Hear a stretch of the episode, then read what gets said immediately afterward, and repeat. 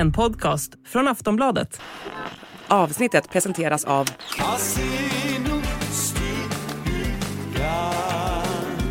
Stödlinjen.se, åldersgräns 18 år. Idag berättar vi om de kungliga barnen som gömdes undan ett helt liv. Det var kungafamiljens bäst bevarade hemlighet. Vi pratar även om Harry och Meghan som skapat rubriker igen efter att ha uppträtt förvirrat och märkligt på scenen. Och så tar vi upp den fruktansvärda regeln som präglat kungligheternas uppväxt och middagsvanor. Och nu så kan du faktiskt få flytta in i Dianas barndomshem. Det här är Kungligt. Jag heter Sara Eriksson. Och jag heter Jenny Alexandersson.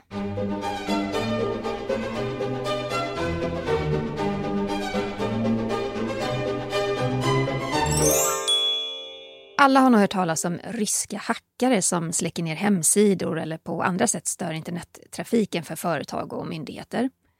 I söndags så blev brittiska kungahusets hemsida attackerad och den låg faktiskt nere i över en och en halv timme. Och det enda man kunde se på sajten det var ett eh, felmeddelande.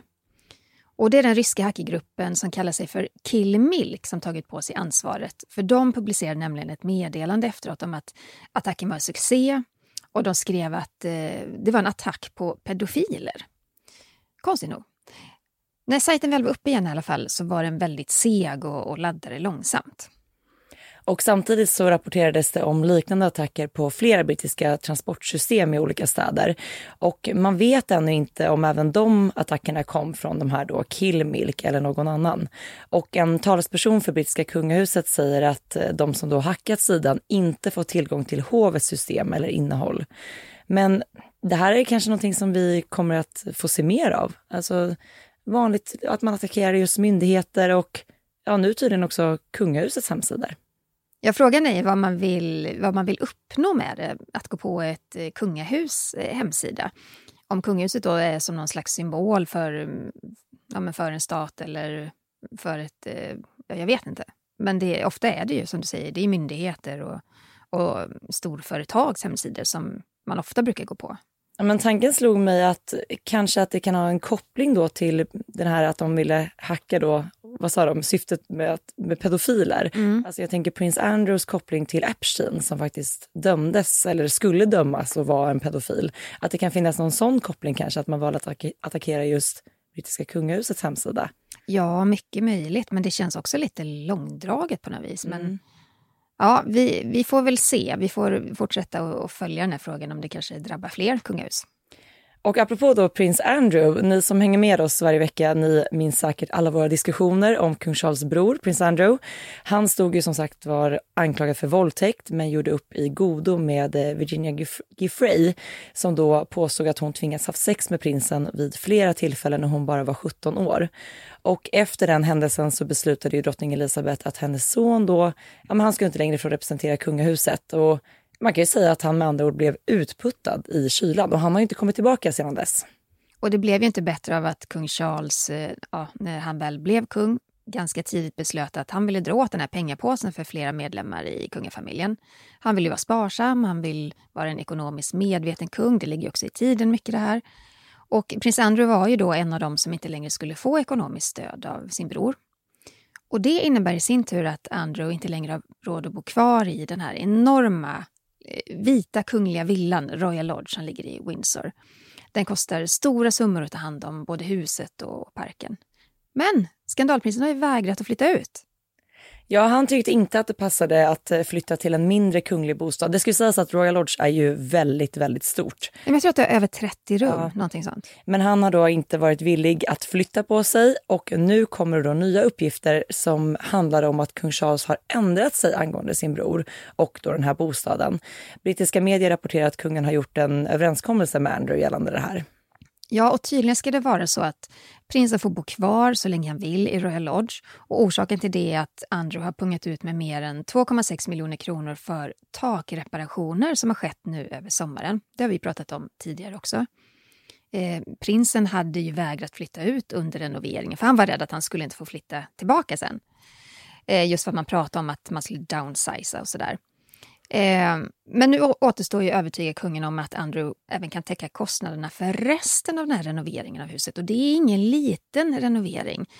Det, man uppskattar att det kommer kosta runt 26 miljoner kronor då för att eh, få det här huset i tipptopp igen. Och det är ingen liten summa. Och kungen har då garanterat sin bror att han får stanna kvar i huset eftersom han än så länge då visat att han har ekonomi nog att klara de här kostnaderna. Men samtidigt så vet vi att prins Andrew blivit av med en stor del av pengarna han varit van vid. Med det som du pratade om, Jenny, att kung Charles har ju dragit åt de här pengarna. Han kommer inte längre att få ta del av de här utbetalningarna. Och han får ju heller inte ta del av apanaget eftersom han ja, sedan han då blev utkickad inte gör några kungliga liksom, uppdrag eller syns i några sådana sammanhang. Så att han har väl en mindre pension från Försvarsmakten, men den kommer inte räcka till att liksom finansiera det här huset och de här renoveringarna. Så frågan är då hur han själv ska klara av att faktiskt ja, men behålla Royal Lodge. Ja, men det är en gåta.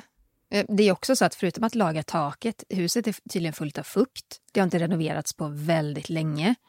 Prins Andrew han tog över huset från sin mormor, alltså drottning Elisabeths mamma. Och då var ju, det var ju mot ett löfte om att få bo där så, så länge han ville. Men jag bara tänker att om nu Royal Lodge är så förfallet, var ska han få pengar ifrån? Och varför vägrar han att flytta ut om huset nu är så förfallet och verkligen skulle behöva genomgå de här stora reparationerna som kommer kosta alltså, över 20 miljoner? Men han, kan ju inte ha gjort ett skit då med huset sen han flyttade in. Nej men det känns, och när man liksom då tänker att Charles ändå till slut landade i att ja, men du får bo kvar trots att han inte ens själv vet hur hans bror då ska finansiera det här. Mm. Det känns nästan som att Charles ger Andrew stället just för att det är så sunkigt och behöver renoveras. Men det, man, man, kan ju inte veta vad som döljer sig bakom väggarna, men ser man det här huset på håll, och speciellt när man ser det på bild, det ser otroligt tjusigt ut. Och Eh, parken runt omkring är välskött och det, det ser ju ut som att man har tagit hand om det. Men som sagt, alla husägare som lyssnar kan ju säkert eh, intyga att det är inte så himla lätt det här med fukt och andra skador. Nej, och där behöver nu prins Andrew göra ett rejält omtag när det kommer till huset. Mm.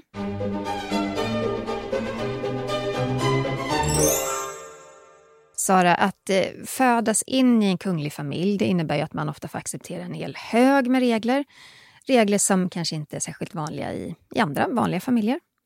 Nej, och en av de här reglerna är ju att barnen inte äter middag tillsammans med sina föräldrar. Och det här var ju en regel som prinsessan Sibylla höll väldigt hårt vid. Vår kung och hans systrar de åt ju istället middag uppe i barnkammaren tillsammans med barnsköterskan. Och eh, likadant var det faktiskt i Danmark. Kronprins Fredrik och hans bror prins Joakim, de var ju inte välkomna vid middagsbordet där hemma. Då åt liksom drottning Margrethe och prins Henrik sin middag och barnen fick, ja, men de fick helt enkelt vänta med att träffa föräldrarna tills efter maten. Ja, man kan ju tycka att det här är en väldigt gammaldags och dammig och konstig regel. Men faktum är att det är, eller har i alla fall varit mycket vanligt. Nyligen avslöjade brittiska medier att den här regeln den lever kvar i den brittiska kungafamiljen. Prins William och prinsessan Catherine de gör samma sak med sina barn. George, Charlotte och Louis, de äter sin middag i barnkammaren. Och det är faktiskt den före detta kungliga kocken Darren McGrady som avslöjar familjens regler. Och han säger att eh, barnen får inte äta med de vuxna förrän de har lärt sig att konversera på ett trevligt och artigt sätt.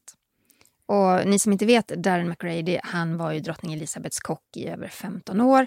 Den sista tiden innan han slutade vid Buckingham Palace, då arbetade han ju för prinsessan Diana och sen också prins Harry. Så det är alltså så att barnen får äta i barnkammaren tills de är redo för liksom, det stora middagsbordet och föräldrarna. Eh, familjen har ju även en strikt regel att barnen inte får skrika på varandra. Då straffas de med att placeras i en soffa där antingen då Kate eller William sitter ner med barnet och liksom förklarar förbudet och vad som blir konsekvenserna av att man skriker. Som förälder så kan jag tycka att det här är helt vansinnigt. Vad lär sig barnen på att inte få äta middag med sina föräldrar? Det är dammigt, förlegat. Jag tycker också det är lite elakt mot barnen. De utesluts ju från det som de flesta familjer betraktar som höjdpunkten på dagen. Man får sitta ner tillsammans, man får uppdatera varandra om dagen, man får njuta av god mat och, och samtal. Och det, jag menar, det klarar ju många barn redan från att de är ganska små. Sen får man ju stå ut med lite stök och bök och ärtor hamnar på golvet och så vidare. Men jag menar, är inte det, är inte det det finaste man kan ge sina barn? Att man samlas som familj vid middagsbordet? Ja, alltså jag, jag pratade faktiskt med min lillebror om det, att när man tänker tillbaka på sin barndom och uppväxt så är det faktiskt de här vardagsmiddagarna som man återkommer väldigt ofta till. När liksom mamma och pappa hade kommit hem från jobbet och man själv kom hem från skola eller förskola och samlades just kring middagsbordet och gick igenom dagen tillsammans. Så att faller den bort så känns det som att en, en kanske ganska viktig och stor del i liksom det här klassiska familjelivet också faller bort.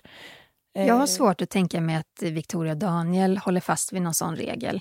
Jag kan tänka mig att de gärna sitter med sina barn och eh, lyssnar på hur skoldagen har varit och det ena med andra. Jag tror inte de, det är bara min, min teori, men jag tror inte de är så störda av lite barnskrik eller kladd eller sådär. Men det jag funderade på också gällande då Kate Williams barn, jag menar, blir det då så att de då ska vara tillräckligt, vad stod det, kunna eller konversera. konversera att jag tänker den äldsta där, George, han måste ju kunna det mycket fortare. Blir det då att han är välkommen till middagsbordet men småsyskonen ska sitta kvar och sen till slut är det bara lilla prins Louis Alltså jag undrar, Ska han äta själv? Ja, det var det jag funderade över. Hur, hur funkar den processen? Så det... oh, nej, det här skär i hjärtat. Nej, det är inte bra, Sara. Nej. Nej.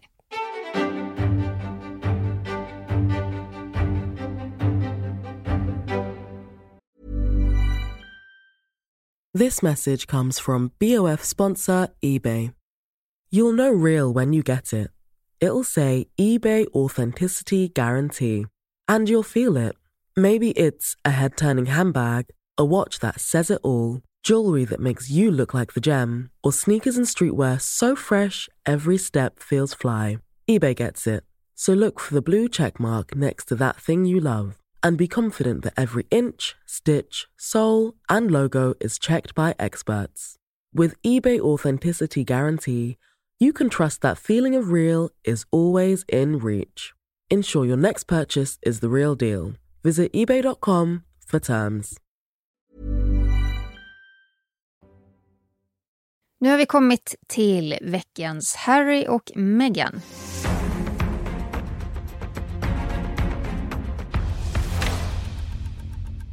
Megans podd Archetypes den sändes ju bara under en enda säsong på Spotify. Det blev 12 avsnitt under två och ett halvt år. Och det är ju faktiskt ett väldigt magert resultat med tanke på Harry och Megans guldkantade kontrakt med Spotify. För det här besväret då, vad sa vi, 12 avsnitt, fick paret hela 240 miljoner kronor. Vi kanske ska begära någon slags, eh, något arvode här i ja, vår verkligen. podd. Vi har gjort fler än 12 avsnitt, det får man lov att säga. 240 ja, men... miljoner för 12 avsnitt. Ja, men det blev ju också så att Spotify valde att bryta kontraktet i förtid. Och det startade ju en våg av kritik mot Harry och Meghan. Och det som kanske väckte mest uppmärksamhet det var ju när han Bill Simmons, som är chef för en av Spotifys podcastavdelningar, rasade över parets inkompetens. I sin podd eh, så kallar han Harry och Meghan för jävla bedragare. Och så sa han bland annat så här. Jag måste bli full någon gång och berätta historien om Zoom-mötet som jag hade med Harry för att hjälpa honom med podcastidén. Det är en av mina bästa historier. Ja, den är man ju lite nyfiken på att höra. Och i en intervju med BBC så berättar nu Spotifys grundare och VD Daniel Ek varför paret inte fick det här, ja men ett förnyat förtroende. Och vi kan väl lyssna lite på vad han sa. Uh, you had some big names. You had the Obamas, you had the Duke and Duchess of Sussex. Uh, they released 12 podcasts in two and a half years. W was that worth 18 million pounds? We thought new innovation was needed to happen here. Uh, we thought uh, we can come in and offer a great experience that uh, both um, you know makes consumers very happy and allows new creators new avenues. And the truth of the matter is, some of it has worked, some of it hasn't. And we're learning from those, and we're moving on. And we wish uh, all of the ones we didn't renew with uh, the best of success that they can have going forward. That was very diplomatic. Och det är lite spännande för att programledaren då, Zoe Kleinman, hon frågar var det här värt 240 miljoner kronor? Och då kan man väl säga att eh, Daniel Ek är väldigt diplomatisk. Han säger att ja, men vi tyckte att det behövdes nya innovationer. Vi trodde vi kunde kliva in och erbjuda en fantastisk upplevelse som kunde göra konsumenterna väldigt nöjda och ge nya kreatörer nya sätt att skapa. Och så fortsätter han då beskriva det här samarbetet med Harry och Meghan i ja, men väldigt allmänna ordalag och säger väl då till slut att eh, sanningen är att en del av det har fungerat, en del har inte fungerat. Vi lär oss av det och går vidare och önskar alla de som inte fick förnyat förtroende all framgång framöver. Väldigt diplomatiskt svar. Ja, och det säger hon Zoe Kleinman också. Så här, det var väldigt diplomatiskt. Hon verkar ju inte så nöjd med, med det där svaret. Och enligt källor till Wall Street Journal så hade Harry och Meghan då inte uppfyllt produktionskraven. Och det är oklart om hela ersättningen då kommer att betalas ut till paret. Eh, kan det kanske bli så att de blir återbetalningsskyldiga? Mm. Mm. Och beslutet är då fattat i samförstånd enligt ett uttalande från Spotify och prinsparet. Ja, det där samförståndet. Mm. Jag, tror gärna, jag tror nog att Harry och Meghan gärna hade velat behålla de här 240 miljonerna och eh, det är väl så man brukar säga när kontrakt bryts, att det skedde i samförstånd. Men att de inte uppfyllt produktionskraven, det är bara en omskrivning av att de har inte lagt ner så mycket tid och arbete. Men jag tycker hela grejen med deras eh, poddande har varit lite märkligt. För först skulle de ju ha en podcast tillsammans och bjuda in gäster och då var det ju först låg det ju liksom en, en trailer ute, ett, bara ett litet klipp väldigt lång tid innan det ens kom ett avsnitt och sen kom det ett första avsnitt, det var jag tror det var tre, fyra gäster men det var ganska många involverade i det. Och sen liksom har det bara runnit ut i sanden. Och sen blev det såklart en stor grej när Meghan startade sin egna podd och skulle då bjuda in kvinnor och, och sådär. Men den har också fått mycket kritik för man tyckte hela tiden att visst, Meghan bjöd in gäster och, för att få föra sin talan och sin åsikt. Men det var också mycket att Meghan tog över podden som det har kritiserats mycket. Men också att den bara, det blev inget sista avsnitt eller någonting utan det bara försvann. Det bara hängde i luften. Ja, märkligt. Ja. Men vi fortsätter prata om Harry och Meghan tycker jag, för att vi har ju vant oss vid att se dem vid olika välgörenhetsevent. De eh, älskar att stå på scen och hålla tal. Det är ingen av dem som är särskilt blyg med en mikrofon i handen, utan jag tycker både Harry och Meghan, de gillar det där. Det märks att de, de gillar det och de klarar av det. Men frågan är om det kanske inte gått lite för långt med den här lusten att tala inför folk. För i helgen som var då stod Harry och Meghan på scen när skådespelaren Kevin Costner höll i ett välgörenhetsevent. Och det höll han på sin stora herrgård i Santa Barbara, där ju också Harry och Meghan bor, för organisationen One 805 som då stöttar blåljuspersonal. Och Harry och Meghan skulle då dela ut ett pris till Kevin Costner och eh, när de klev upp på scenen efter att eh, konferensen presenterat dem. Och eh, Meghan kliver då upp med ett stort leende och när, de då, när konferensen passerar henne så sträcker Meghan fram handen för att greppa mikrofonen. Men den får hon ju då inte först. Det är inte tänkt att Meghan ska hålla något tal och konferensen går liksom vidare med sin mikrofon. Och det här blir ju lite pinsamt och nervöst i och med att hon var så förberedd på att hon skulle ta tag i den och säga någonting. Och eh, Megan Meghan går istället då vidare ut på scenen. Och en expert på kroppsspråk säger till The Mirror att eh, prins Harry och Meghan de får verkligen kämpa med att upprätthålla sin, ja, sin kungliga status där på scenen sen i och med att det blev så förvirrat. Och Harry han uppträdde nervöst, han blev märkbart... Eh, ja, det var en rörig situation. Och så börjar han gnida sina handflator mot varandra, så där, vet när man fryser. Mm. Och så mm. gnider man som att man så ska tända en eld. Liksom. Och sen var det som att han inte kunde sluta göra så, utan han håller på med det där då och då hela tiden som de står på scenen av och till. Och experter menar ju då att det här är ett tecken på att han är nervös. Alltså, han gned och gned så fort någonting hände. Och till slut så lämnades ju en mikrofon över till Harry. Men han signalerade ju då att mikrofonen istället skulle ges till Meghan. Men återigen så vägrade konferensen och det var liksom helt enkelt inte tänkt att Meghan skulle tala. Och efter att det här då klippen har spridits på sociala medier så har ju kritiken också svämmat över. Någon skriver att Harry är en toffel och många anser att om man liksom får liksom mikrofonen på scenen så lämnar man inte över den till sin fru. Det är väl också lite så här ett tecken att det är hon som ska tala, jag, jag vågar inte tala. Alltså det blir lite sånt konstigt moment. Mm. Och ja, utan att låta för hård, men Meghan försöker ju alltid att ta all plats. Och eh, här blir det liksom förvirrat och arrangören får sätta stopp för det. Mm, och jag tycker att, eh, jag har ju sett det här klippet också, bilder från det. Att jag, jag tycker också att Harry uppträder osäkert och nervöst i det här sammanhanget. Och på något sätt känns det som att Harry och Meghan har de inte blivit informerade om vad som ska hända på scenen, vad som förväntas av dem. Det blir väldigt konstigt. Man vill undvika alla så förvirrade situationer. Man vill ju veta innan att ja, men du ska kliva upp på scenen då och då. du ska hålla tal, du ska inte hålla tal, det och det ska hända. Här känns det väldigt splittrat. Kanske skulle ha slipat lite på kommunikationen innan det här, den här prisutdelningen. Ja.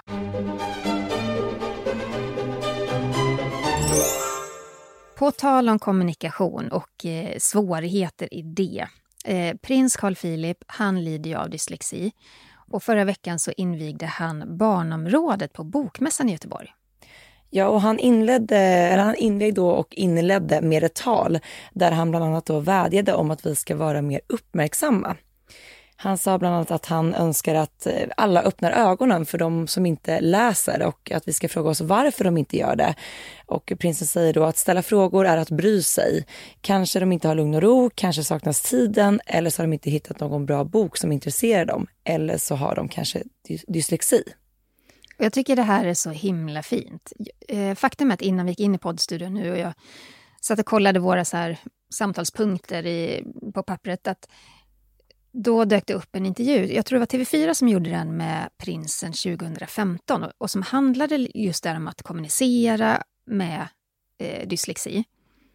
Och Carl Philip var väldigt öppen med att eh, för honom sätter det sig i talet ibland.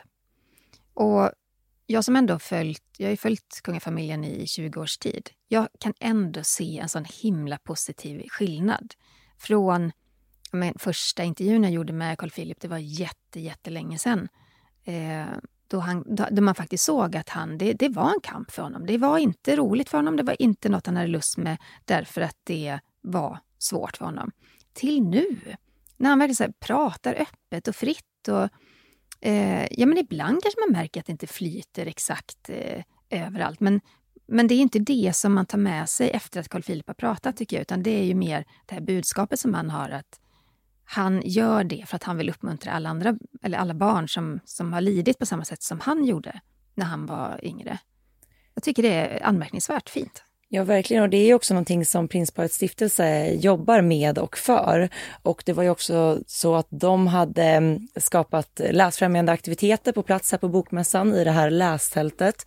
Och på plats så träffade även prinsen Carl Blomqvist. Åh, oh, han är så gullig. Han är så gullig. Han har ju verkligen blivit eh, viral efter sin medverkan i Nyhetsmorgon där han då vill få fler barn och unga då att läsa och han tipsar om böcker på ett väldigt liksom fängslande sätt tycker jag. Och jag träffade faktiskt honom tillsammans med hans pappa Fredrik sist jag gästade Nyhetsmorgon, för då var han inne innan mig. Och han är ju så, alltså han är så duktig och så inspirerande. Han är redan en lysande stjärna. Hur gammal är han sa du? Han är, han är bara tio år och redan så duktig. Så cool. Ja, och han var ju då såklart på plats på Bokmässan och där fick han då chansen att intervjua prins Carl Philip. Och vi kan väl lyssna lite på vad de pratade om. Vilka författare eller berättelser är populära hemma hos prinsen? Ja men du, det, det är en bra fråga. Uh, jag har, eh, vi har läst ganska mycket för dem när de var små. Eh, och nu så är de lite, lite större. Eh, och en av deras eh, ja, böcker som de gillar att gå till är bland annat Musse och Helio. Vilket är kul, för där är ju liksom fantasins värld och man kan drömma bort i, i både tanke och i och visionen och vad, vad de gör och få bilder i huvudet. Det tror jag de tycker är kul. Ja, vad härligt. Jag gillar också Musse och Helium. Vilken stjärna han är. Ja, han är otroligt duktig. Han, just det där att inte ha någon skräck alls över att ställa frågor till folk. Det är väl den bästa egenskapen för en journalist. Ja, verkligen. Våga. Men jag tycker det är lite roligt att eh, prins Carl Philip avslöjar vad de läser mest hemma för barnen. Eh, Musse och Helium, är det någonting som du känner igen, Jenny? Jag vet vad det är för böcker. Eh, min son har inte varit jätteintresserad av just Musse och Helium, men, eh, men det finns ju otroligt mycket bra barnböcker just nu. Ja, och sen också de klassiska som prins Carl Philip faktiskt nämner som en egen favorit, Astrid Lindgren. Det kan man aldrig få nog av. Men när då Carl träffar prinsen så passar han även på att fråga ifall att prins Carl Philip har någonting han vill säga liksom till, ja, till barn som, som kämpar med läsningen. Och jag tycker vi lyssnar lite på vad prinsen svarar. Det är många barn som kommer att titta på det här. Har prinsen något han skulle vilja säga till alla barn som kämpar med läsningen? Tack. Jag, jag uppskattar den frågan. Eh, och en, det var det jag nämnde precis, att, att hitta en bok som, som du gillar och att, att tyvärr, men med träning ger färdighet, brukar man säga. Så ju mer man läser desto lättare och bättre blir det. Och det gäller även de barn med dyslexi. Men att det finns fantastiskt mycket stöd som finns där ute. Så berätta, prata öppet och berätta om dina problem och kanske att du har dyslexi. Och sök stöd för dem. Att göra en undersökning och få stöd, rätt stöd för just dig. Det tror jag är jätteviktigt. Det tror jag också. Tack så mycket. Trevligt att prata med dig. Tack. Detsamma.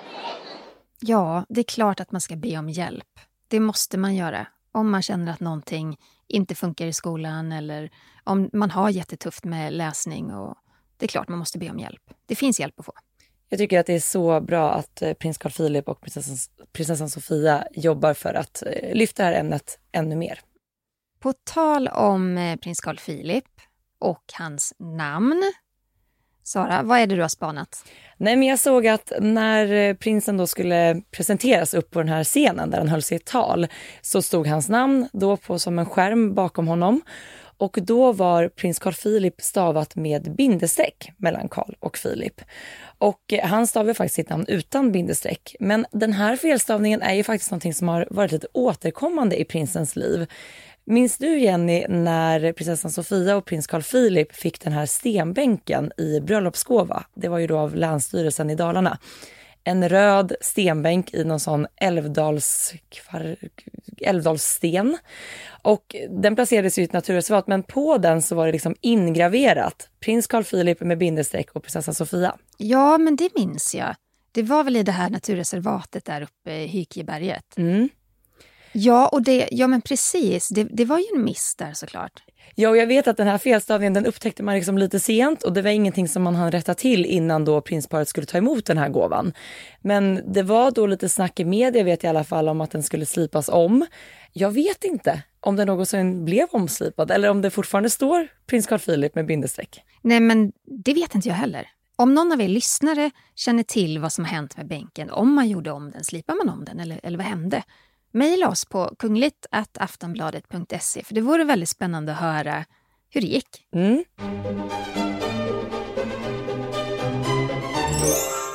Nu ska vi prata om prinsessan Diana. Man kan nämligen hyra hennes barndomshem. Och Det är från en Airbnb-liknande hemsida som då det här eh, fantastiska godset hyrs ut. Det heter Althorpe House och det ligger i Northamptonshire i England. Och Det har då varit i familjen Spencers ägo sedan 1500-talet. Det är inte dåligt. Nej, det är inte dåligt och det är den högklassiga fastighetssidan, Elysian Estate, som lagt ut. Och det är inte hela godset utan det är en del av godset. Ja, för Dianas bror bor ju fortfarande kvar. Precis, så att man kan inte bo liksom i hans rum utan det är en annan del av godset mm. eh, som då ligger ute till uthyrning. Och det är också faktiskt via då Dianas bror som man hyr ut det här såklart i och med att han bor där. Mm. Och den exakta kostnaden för att hyra det här, den anges inte. Men gästerna kan förvänta sig att liksom betala en väldigt stor summa för en natt. Och man kan även addera då i den här bokningen kockar, eh, pianister, möjligheter till jakt, fyrverkerier för att liksom då addera den här upplevelsen. Jag tänker att det måste vara folk med väldigt mycket pengar och kanske bröllop. Mm. I och med att de pratar om musik och fyrverkerier och sådär. Det känns som en klockren sån grej. Men, men det måste kosta en förmögenhet. Ja. Och i, i den här då beskrivningen som ligger ihop med bokningen där så beskrivs Althorp som en av de mest spektakulära, lyxiga och exklusiva platserna i Storbritannien som erbjuder en oslagbar miljö. Och jag kan faktiskt eh, hålla med om det, för jag följer ju Earl Spencer, Dianas bror, på Instagram. Och han lägger ju upp helt otroliga bilder från godset. Det är väldigt mycket mark mm. som hör till också. Och han brukar ta ja, men ta så här morgonpromenader och så, där, så lägger den upp så här, bilder på dimhöljda ängar. Alltså det är väldigt så här, brittisk eh, landsbygd. Otroligt vackert. Det är väldigt vackert och då, här erbjuder man då en, som de skriver också där i beskrivningen, oslagbar miljö för att liksom arrangera exceptionella tillfällen med service, utsökt matlagning mitt i historiens vins, vingslag. Allt kombinerat med 2000-talets lyx. Insäljande text. Säljande text, ja. ja. Man blir lite sugen. Ja, det blir man. Jag hade gärna tagit en liten staycation där. Kan du öppna upp din plånbok, Sara? Det kan jag inte göra. Den är stängd. Men jag hade gärna varit där. Men det är också så att eh, Diana är faktiskt begraven på Althorp. Eh, hon är begraven då på en liten ö i en liten sjö. Jag tror de kallar den Oval Lake. Men, men då har man ju också skrivit den här beskrivningen då vid bokningen att hyr man det här godset, man kommer inte kunna ta sig ut till den här ön och gravplatsen. Så att alla såna Diana-fans som, som skulle möjligtvis skramla ihop till en övernattning där, alltså man kommer inte nära hennes grav helt enkelt. Men ändå häftigt att kunna, om man har möjligheten, kunna liksom bo i samma hus där Diana och hennes familj växte upp och ja, men, befinna sig i de här rummen där de har mm. bott och verkat. Alltså, det är en häftig upplevelse. Ja, man kan ju också hyra ett av kung Charles hus. Mm. Sandringham Estate eh, kan man faktiskt hyra en del av, alltså inte själva huvudbyggnaden även där då, mm. eh, men en, en, annan liten byggnad. Och eh, det här har ju fått ett väldigt uppsving nu på sociala medier. För det är en brittisk influencer, jag tror att hon är lite så inredningsinfluencer på TikTok, Laura Ann Barr, som har gjort det här till en stor grej. Hon har då via sitt TikTok-konto gett alla en inblick i hur det var att bo på det här kungliga residenset och ja, men testa på det kungliga livet. Mm, och den här delen som hyrs ut, det var tidigare hem åt drottning Elisabets huvudträdgårdsmästare, eller chefsträdgårdsmästare. Det består av fyra rum och i det här klippet får man se alla vackra vyer, man får se de olika rummen. Väldigt mysigt kök, en stor matsal som har utsikt över trädgården. Och så visar hon upp eh, köksskåpet som är fyllt av kungliga muggar. Åh, det är till dig, Sara! Kungliga muggar med porträtt med drottningmodern, drottning Elisabeth och kung Charles. Jag tycker det här låter som en dröm. Hon har också lagt upp ett klipp då när hon, ja, förmodligen dricker hon te eller kanske kaffe då, när hon har tagit en av de här kungliga kopparna och slagit sig ner i, i någon lite så sittmöbel i det här residenset. Jag tycker det såg väldigt drömmigt ut. Tilltalade mig, absolut. Mm, man, får lite, man får se miljön kring, alltså utomhus också, för hon går runt då på egendomen. Eh, så går hon förbi eh, St. Mary Magdalene Church, ni vet den här kyrkan som kungafamiljen alltid går till på juldagen hon säger ju så här att ja, men kyrkan är så pittoresk och, och vacker. Ja, det här skulle man ju verkligen vilja uppleva. Vad kostar det att hyra den här? Runt 20 000 kronor för en vecka. Tycker inte det lät så farligt ändå? Nej, kanske inte. Man kan ju uppenbarligen vara två familjer också tänker ja. jag och dela på den. Precis. Men tanken slog mig också då att om, tänk dig liksom, lek med tanken att man skulle öppna upp liksom slott mm. som man skulle kunna hyra in sig på. Nu kommer det aldrig hända. Men Finns det några platser man skulle liksom verkligen vilja så här, bo in sig i eller stanna några nätter? Ja, Åh, vad svårt på rak arm. Vet du i ditt huvud vart du skulle vilja... Jag hade tyckt att det skulle vara häftigt att liksom se mer den privata delen av Drottningholms slott. Det här 1600-talsslottet, det är faktiskt Sveriges bäst bevarade slott eh, som finns. Jag tror att det är fan, en fantastisk miljö och väldigt många vackra detaljer. Hade inte varit fel. Eh, Dianas barndomshem hade jag tyckt var intressant just också för det är så vackert runt omkring. Och sen såklart Buckingham Palace. Ja, slott Vätterns slott. Ja. Då ja. kan man ju hört att det är ganska rått och kallt där inne. Och liksom Men de håller på att renovera. Ja, okej, okay, de håller på ja. att fixa det. Den där renoveringen har ju pågått i många år. Det är upp mot en miljard i kostnad. Välbehövligt. De byter ut rörsystem och vad heter de här, inte kloaker, vad heter det? Avlopp, avlopp och sånt. Avlopp. Ja. Men, eh, nej, men jag håller med dig. Alltså, det hade varit spännande att se Drottningholms privata del. Jag tänker också på Solidens slott. Man har ju varit där så många gånger. Men bara, jag har bara sett slottet från utsidan. Men jag skulle vilja se inuti, för det här är ändå kungafamiljens privata paradis. Mm. Jag skulle vilja se Victoria Daniels nybyggda hus. Det verkar jättefint. Den här kavaljersflygen som Sofia och, och Madeleine och Carl Philip och Chris och de brukar bo i. Och det här fantastiskt charmiga båthuset eller badhuset nere vid vattnet. Ja, men det är jag nyfiken på. Ja. Hur ser det ut egentligen? Jag har, sett, jag har sett bilder ifrån båthuset. Men, men att uppleva det i verkligheten. Men också kul då att kunna jämföra till exempel att först vara på Drottningholm med den här verkligen slottsmiljön mm. och sen versus då där de faktiskt spenderar sommarna som ändå känns som att det är lite mer avslappnat, avslappnat avskalat, relaxed. Ja, det hade varit kul att, att se det.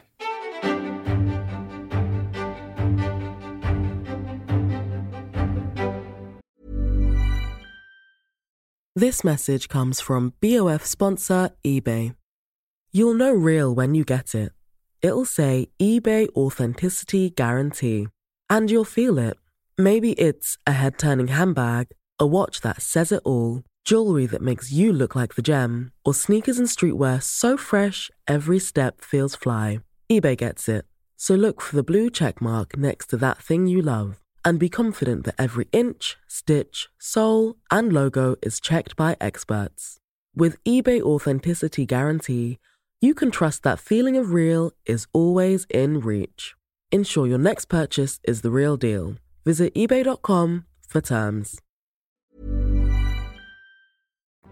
Då och då så får vi frågor om vad som händer om en kunglighet föder ett barn med en funktionsvariation. Kan den personen bli regent? Och det enkla svaret på den frågan är ju att eh, ja, så länge funktionsvariationen inte hindrar personen från att utföra sitt ämbete så bör det inte vara några problem. Men kan personen inte det så är det sannolikt att nästa person i tronföljden får ta över. Men vad händer med barnen undrar man ju då. Förr i tiden så var det ju oerhört hemskt att födas in i en kunglig familj med en funktionsvariation. Och en del av er har säkert hört talas om drottning Elizabeths två kusiner som mer eller mindre gömdes för allmänheten i hopp då om att ingen skulle förstå att de var kungliga. De hette Catherine och Nerissa Bowes Leon och de tillbringade nästan hela sina liv på ett mentalsjukhus. 1963 så förklarades de döda, trots att de i allra högsta grad var i livet. Narissa hon föddes i februari 1919 och hennes syster kom då sju år senare ungefär. Och man såg ganska tidigt att de här barnen hade svåra funktionshinder. Och eh, alltså jag tror bara, jag har läst någonstans att de var bara några månader gamla när man liksom insåg att det här, det här blir tufft. Och systrarnas pappa då, John Herbert Bowes Leon, han var en av drottningmoderns bröder. Så att eh, Elisabeth var liksom kusin med de här eh, systrarna på det viset. Och John Herbert och hans fru Fenella hade redan gått igenom ett trauma när de förlorade sin förstfödda dotter tidigt i äktenskapet. Och på den tiden så betraktade man ju sjukdom och eh, handikapp på ett helt annat sätt än idag. Och många familjer med barn med funktionsvariationer skämdes liksom för de här barnen. Det är så fruktansvärt att tänka på idag, mm. hur man resonerade. Ja men verkligen. Man hade för lite kunskap. Mm. Eh, Catherine och Nerissas öde det blev känt för allmänheten först 1987 efter att Nerissa hade avlidit. Och när journalister började gräva i deras historia så upptäckte man då att eh, de här systrarna de hade lagts i anonyma gravar med endast en namnlapp av plast och ett serienummer. Det var som att ingen ville kännas vid dem. Och dessutom då så hade de som sagt då förklarats döda långt innan, eh, innan de verkligen avled. Och familjen de skickade systrarna till Erniston School som var en institution som startades då för handikappade barn till adelsmän och man har även titulerat det som någon form av mentalsjukhus. Men efter andra världskrigets utbrott så skickades flickorna till Royal Earlswood Asylum for Mental Defectives i Surrey. Och Nerissa hon bodde ju på mentalsjukhuset ja, men resten av sitt liv och det var en otroligt tuff institution. Eh, det är mycket som inte är nämnt här men men eh, man kan läsa sig till det och, och gör det om ni vill veta mer. Men en grej, patienterna de fick bara bära sina egna kläder när de fick besök. Eh, minst en sköterska från den här tiden hävdar då att patienterna utsattes för övergrepp och väldigt svåra sådana. Så det var ju inte något mysigt, trevligt substitut för ett hem, utan Nej. det här var någonting mycket, mycket värre. Och systrarna fick ju väldigt sällan besök och i början kom deras mamma och deras syster Ann och hälsade på lite så sporadiskt men besöken ebbade ju ut tills familjen alltså helt slutade att komma dit.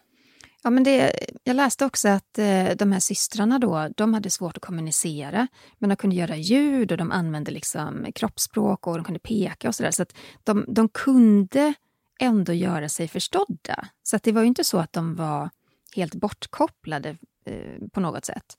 Och I en dokumentär med Channel 4 som visades då 2011 så berättar en av de här sköterskorna att flickorna de, all, de neg alltid djupt när de såg drottningen eller drottningmorden på tv. Och man tog det som ett tecken på att systrarna trots allt hade då minnen av eh, den kungliga familjen innan de skickades iväg. Och det var många i den kungliga familjen som faktiskt inte kände till systrarnas tragiska öde. Och det sägs ju då att prinsessa Margaret hon blev vansinnigt arg när hon på 80-talet då fick vetskap om sina kusiner och ja, den tillvaro som de eh, levde i. No, det är ju många som inte känner till den här historien och den eh, dramatiseras ju faktiskt i en säsong av The Crown. Och jag kommer ihåg när, när den serien släpptes, eller den, den, vad säger man? Avsnittet? Det, när det avsnittet släpptes, att det var väldigt många som skrev och liksom, för, har det här hänt? Är det sant att mm. man gjorde så här? Och det är så hemskt att det är ju det. Det var precis så det gick till. Ja, men man skämdes, man tyckte, man tyckte liksom att skammen även låg på familjen. Men det är ju ingen det är ju en slump, det är ingen som kan hjälpa att ett barn föds med en funktionsvariation. Och just det där att man ska lägga skam då på ja, både barn och familj och släkt och, är fruktansvärt och det drev nog många familjer till att eh, ja, men, skicka bort sina barn och ja, men på alla sätt och liksom skapa en distans till, till dem. Och det är ju det är inte enda gången som det har hänt, för det finns ju faktiskt fler kungligheter som gömdes undan, eller hur? Ja, eh, prins John han var kung George den femtes yngsta barn. Och han gömdes undan på Sandringham Wood Farm. Och orsaken till det då var att han, han led av svår epilepsi. Och man blir bara vansinnig när man hör det. Att, ja, men epilepsi, det gör ju inte någon dum eller korkad på något sätt. Det finns inget att skämmas över överhuvudtaget. Sen kan, man, sen kan man ju då tänka att ja, men det fanns inte så mycket kunskap och vetskap om detta då på den tiden. Men, men det, alltså, ja, det bränner ju i hjärtat när man hör det. Det är fruktansvärt. Ja, och även prins Charles Edward som var sonson till drottning Victoria, han skickades ju också iväg som tonåring till Tyskland där han olyckligtvis fångades upp av nazister och eh, dog helt utblottad. Och eh, då även han utan kungliga titlar eller kunglig status. Mm. Vidrigt, fruktansvärt.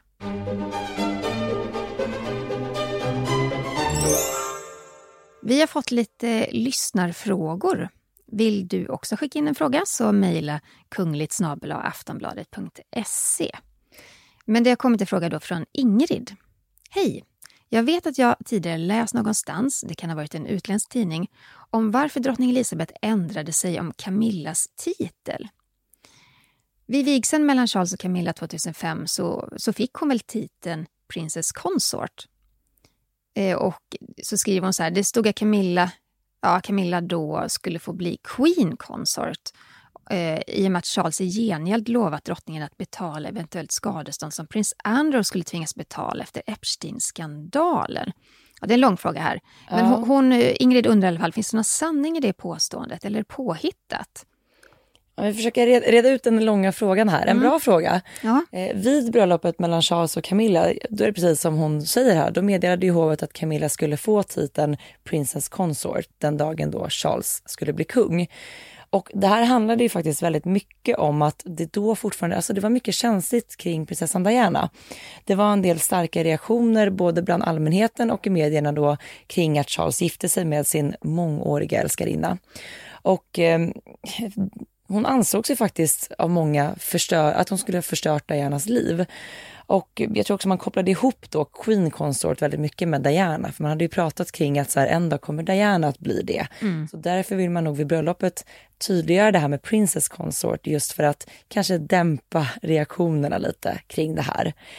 Men med åren så liksom, ja, åren har ju gått och Camilla har ju vunnit en hel del respekt och kärlek från folket. Och eh, det här har ju såklart drottning Elizabeth sett eller såg när hon levde. Och då i samband med sitt platinajubileum 70 år på tronen så gjorde hon då ett uttalande kring Camilla där hon då sa att hon önskade att se Camilla som Storbritanniens drottning. Och eh, ja, det var ju helt enkelt drottning Elizabeths önskan. Men vet du någonting om det här eventuella skadeståndet, Jenny? Ja, Eh, det är ju så här att, det var det vi nämnde tidigare i programmet här också, att eh, Andrew han blev ju stämd av en kvinna som heter Virginia eh, Giuffre som menade på då att Andrew, eh, hon blev tvingad att ha sex med prinsen vid tre tillfällen, hon bara var 17 år. Och det är faktiskt så att Virginia stämde prins Andrew.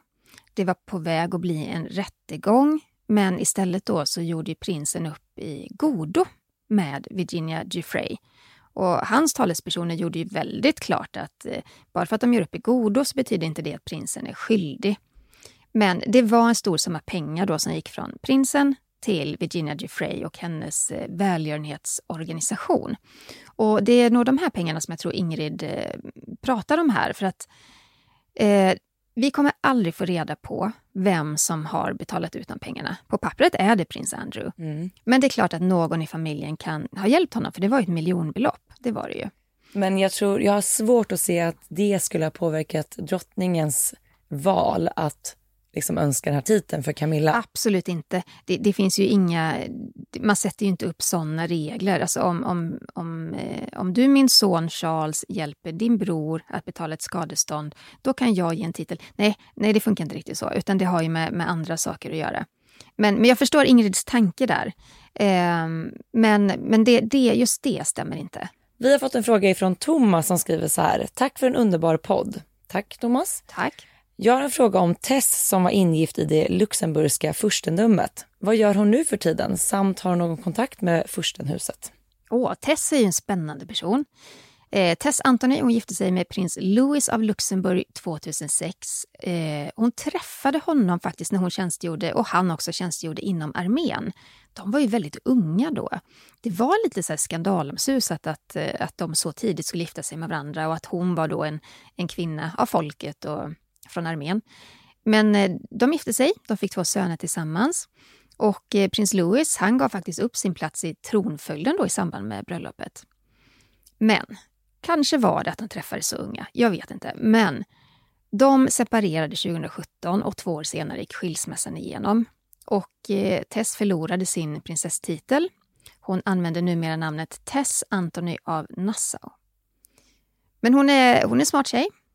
Eh, hon har pluggat på universitetet, hon har tagit en examen.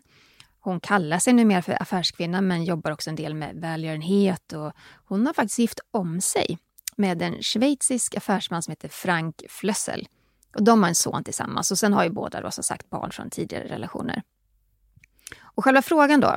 Jo men det är ju så här, eftersom hon är mamma då till två pojkar som är en del av storhertigfamiljen. De här pojkarna har inte prinstitlar men de är ändå en del av, av familjen, så händer det ju såklart att Tess träffar storhertigfamiljen. Men jag skulle säga att det är mer sporadiskt, hon deltar inte i några offentliga kungliga tillställningar. Men hon är en väldigt så här, livfull, färgstark kvinna. Man kan följa henne på Instagram, där heter hon Tessie from Luxemburg. Hon har ett eget klädmärke som heter Human Highness. Hon spelar lite på det här kungliga ja, temat. Och hon har faktiskt en, eh, en egen tv-serie på RTL, det är en ganska stor eh, tv-kanal. Så att, eh, hon är spännande. Det här är en väldigt spännande historia. Mm. Hörni, vill ni ha dagliga kungliga nyheter, följ oss på sociala medier. Var finns du Sara? Man hittar mig på Instagram och på TikTok under namnet royalistan.se. Och var hittar man dig Jenny? Främst på Instagram. Eh, Kungligt med Jenny heter jag där. Tack snälla för att ni har lyssnat på veckans avsnitt av Kungligt. Vi hörs igen nästa vecka. Hej då! Hej då!